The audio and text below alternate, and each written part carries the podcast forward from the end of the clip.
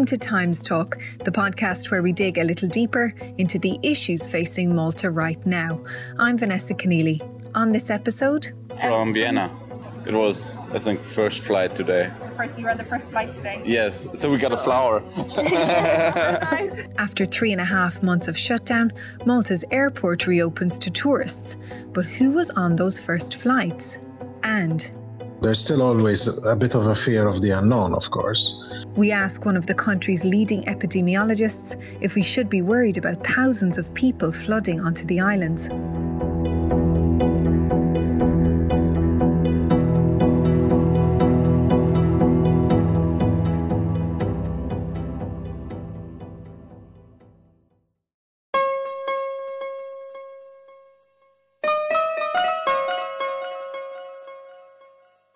July 1st, Malta welcomed its first commercial flight since March.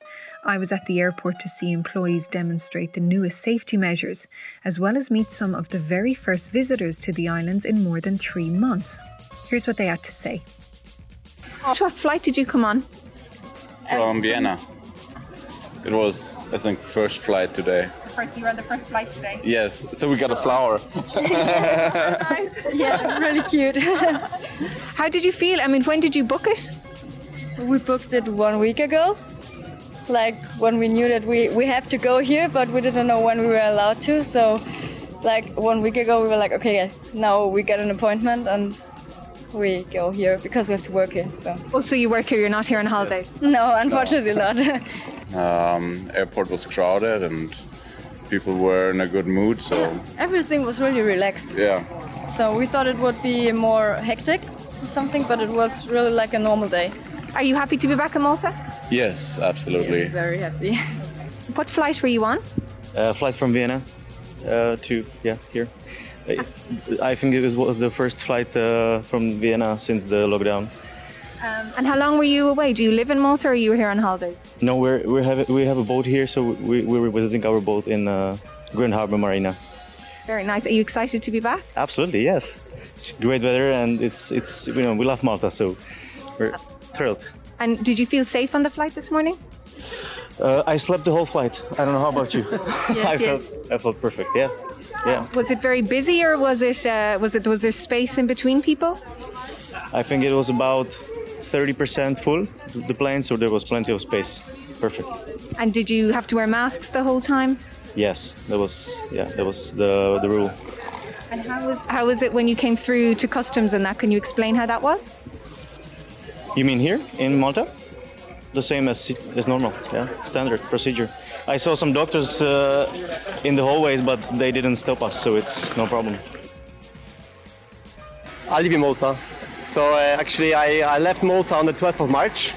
Uh, it was meant to be my parents' uh, 70th birthday, just three days weekend, three days break. The next day, the Poland shut down the airports, and I ended up staying there like for uh, three and a half months. So I was not able to come back. Luckily, I work in gaming, I work remotely. Uh, so actually, it's quite nice that uh, that I could, you know, take some time, be with the family, my friends. it was a good experience, but I'm very happy to be back. Especially that I have my cat at home waiting for me. Which flight were you on this morning? Uh, I went from Gdańsk in Poland, so it was Ryanair flight. And I believe it's the second flight to land this morning. Probably yes, that, that was the second one. What was the atmosphere like on the flight?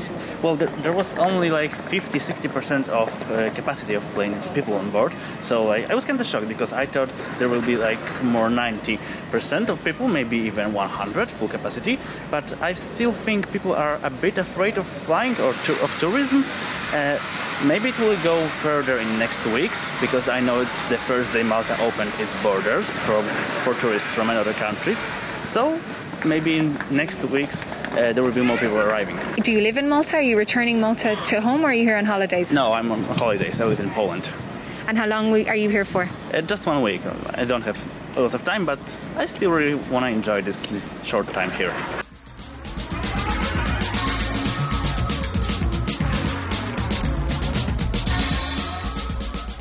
still to come.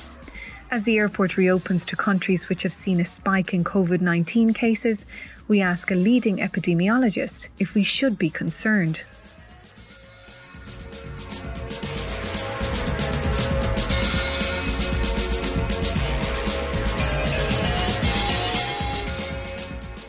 At the Times of Malta, we know this is a difficult period for everyone, and we're feeling it too. We're doing our best to bring you the most factual information every day and put pressure on authorities to answer all of your questions and more. But independent journalism costs money and we need your help. Please go to www.timesofmalta.com forward slash donate and give as little as two euro. Thank you.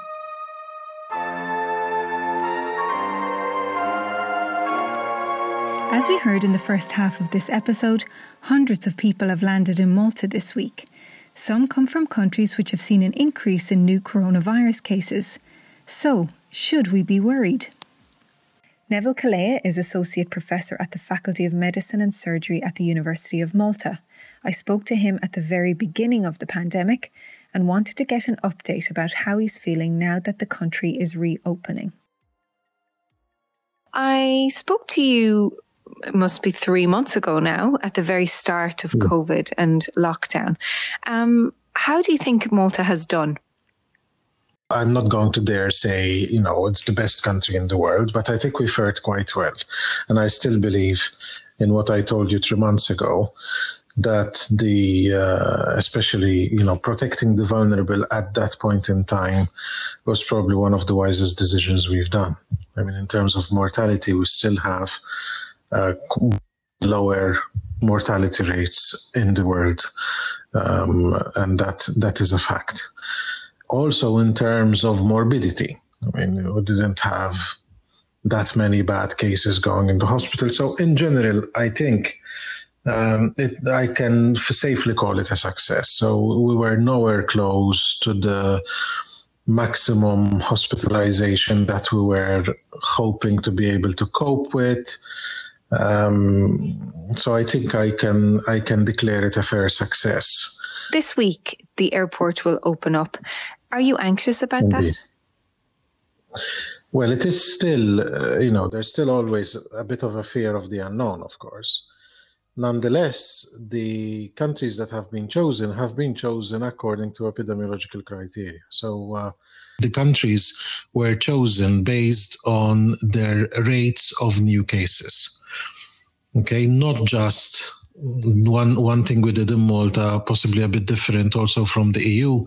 We're not just relying on the uh, rates that countries are reporting themselves, but we're actually adjusting them to the number of tests they're conducting so that they're standardized okay so we're comparing like with like so uh, we're trying to as much as possible make sure that we expose the Maltese population to other populations with a similar situation.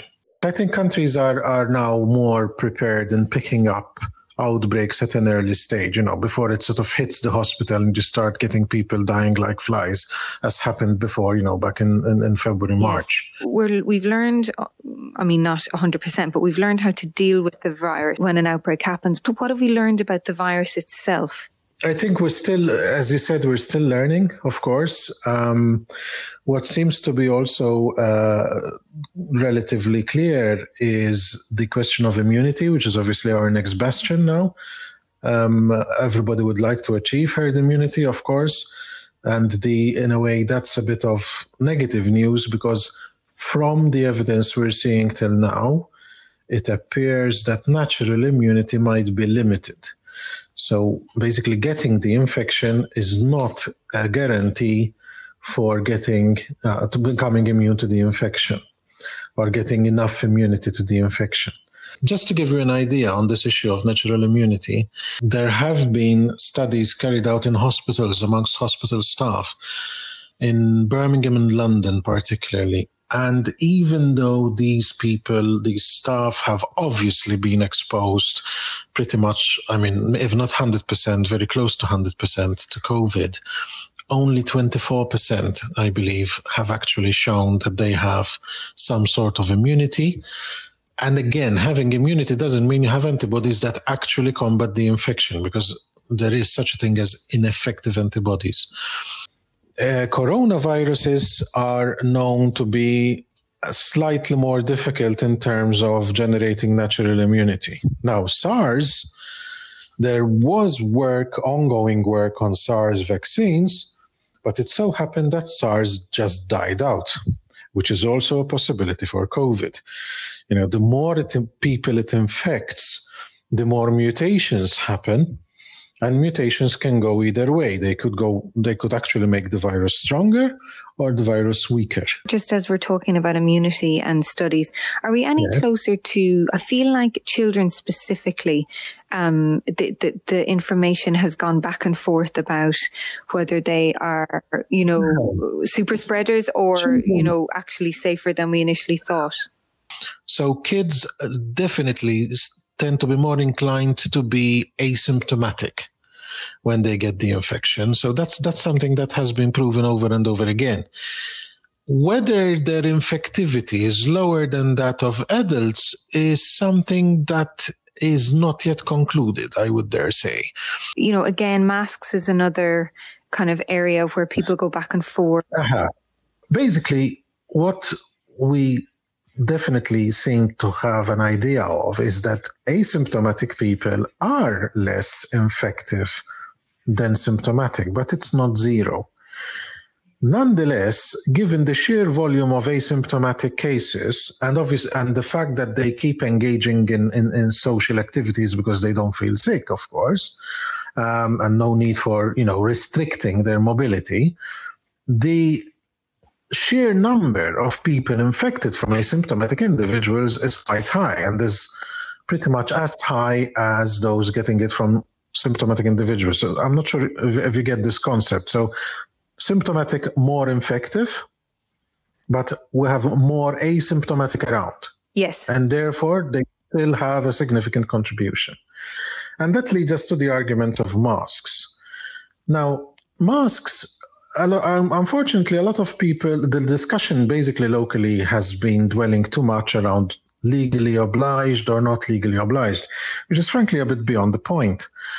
Uh, the thing is this I mean, the infection is still around. It's a question of mutual respect, really. That when you go into entities, the guidelines are there to protect people and have been designed to put people's minds at rest on how to be safe in specific environments. I must admit there has been also miscommunication, possibly also within the public service. And there have been confused messages also coming from different sources. And that has not helped the population. And um, I concede to that perfectly. It's not something unique to Malta, as you probably have realized. So, you know, um, uh, you, you, get these these things happening pretty much in the UK, in the US, uh, you know, you get mixed messages coming out of different public sources and people getting confused. When you're out and about yourself, do you get concerned by the, the, the volumes of people? Alas, yes, very much so. Um, it's it varies a lot between places, and it is indeed comforting to go into uh, you know, to a major shopping establishment, finding a security at the door, asking you nicely to do some sanitizer and arrange your mask, taking your temperature.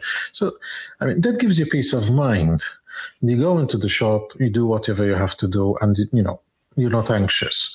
Same with a restaurant, you know. Uh, I'm, I'm, I must admit, personally, myself, if I go into a shop and I see a shopkeeper without masks, everybody else without masks, and if not actually teasing me that I have a mask or giving me strange looks, you know, if I, I won't go there again. Uh, it's just, I feel it adds to my anxiety um, and is disrespectful. Uh, unfortunately, what the way people see it, especially if they're not close to the to the literature and, and what's happening abroad, people forget that people died abroad and they start concluding that really this virus was not as bad as we thought. Nobody thinks like it did not cause the the damage yeah. that it caused elsewhere because we were careful. The, the people just say, "Nah, it was nothing." You know, lots of lots of smoke but no fire, so to say. So they would not acknowledge the fact that we had the success we had because we worked for it. We talked in March about a second wave, and do you still feel? Yes. I mean, so many epidemiologists use the Spanish flu as an example. Do you know any? Do you uh-huh. know any more about you know how the virus reacts, and you know, given that half of the world is in winter now? What what most epidemiologists are preparing for is a second wave that could coincide with seasonal influenza. Okay.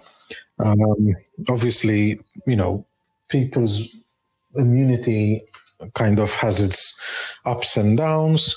Winter does push that a bit down a bit, so you know that's also what causes the the influenza uh, the influenza epidemics usually, the seasonal ones. So logically, what you can say is this: the cocktail of conditions that predisposes people to seasonal flu is the same cocktail that would predispose people to getting COVID. So it makes perfect sense to prepare for a second wave come autumn. Thanks for listening today. Please take the time to rate and review us wherever you get your podcasts. And if there's any topics you'd like us to investigate, feel free to contact us at the email address timestalk at timesofmalta.com. Goodbye.